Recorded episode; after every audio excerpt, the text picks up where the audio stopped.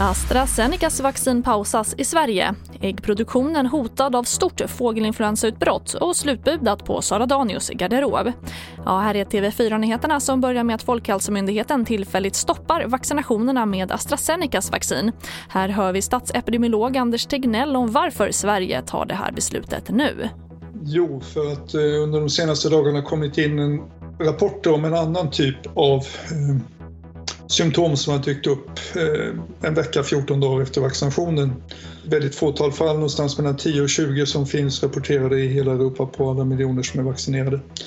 Men ganska allvarliga symptom i form av rubbningar i, i det system som sköter vår koagulation så att vi så varken blöder för mycket eller får proppar.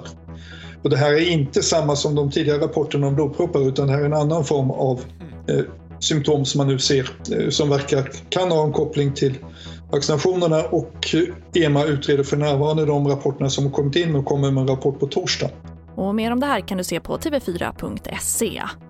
Och Sverige har just nu ett av de största utbrotten av fågelinfluensan hittills vilket gör att äggproduktionen är hotad. På några månader har 17 gårdar drabbats och över 2 miljoner tamfåglar avlivats.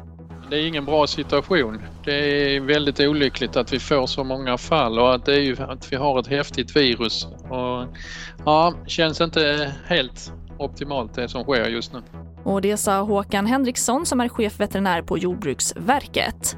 Och vi avslutar med att den ikoniska knytblusen och ett stort antal andra plagg ur Sara Danius privata garderob är nu sålda, det rapporterar TT.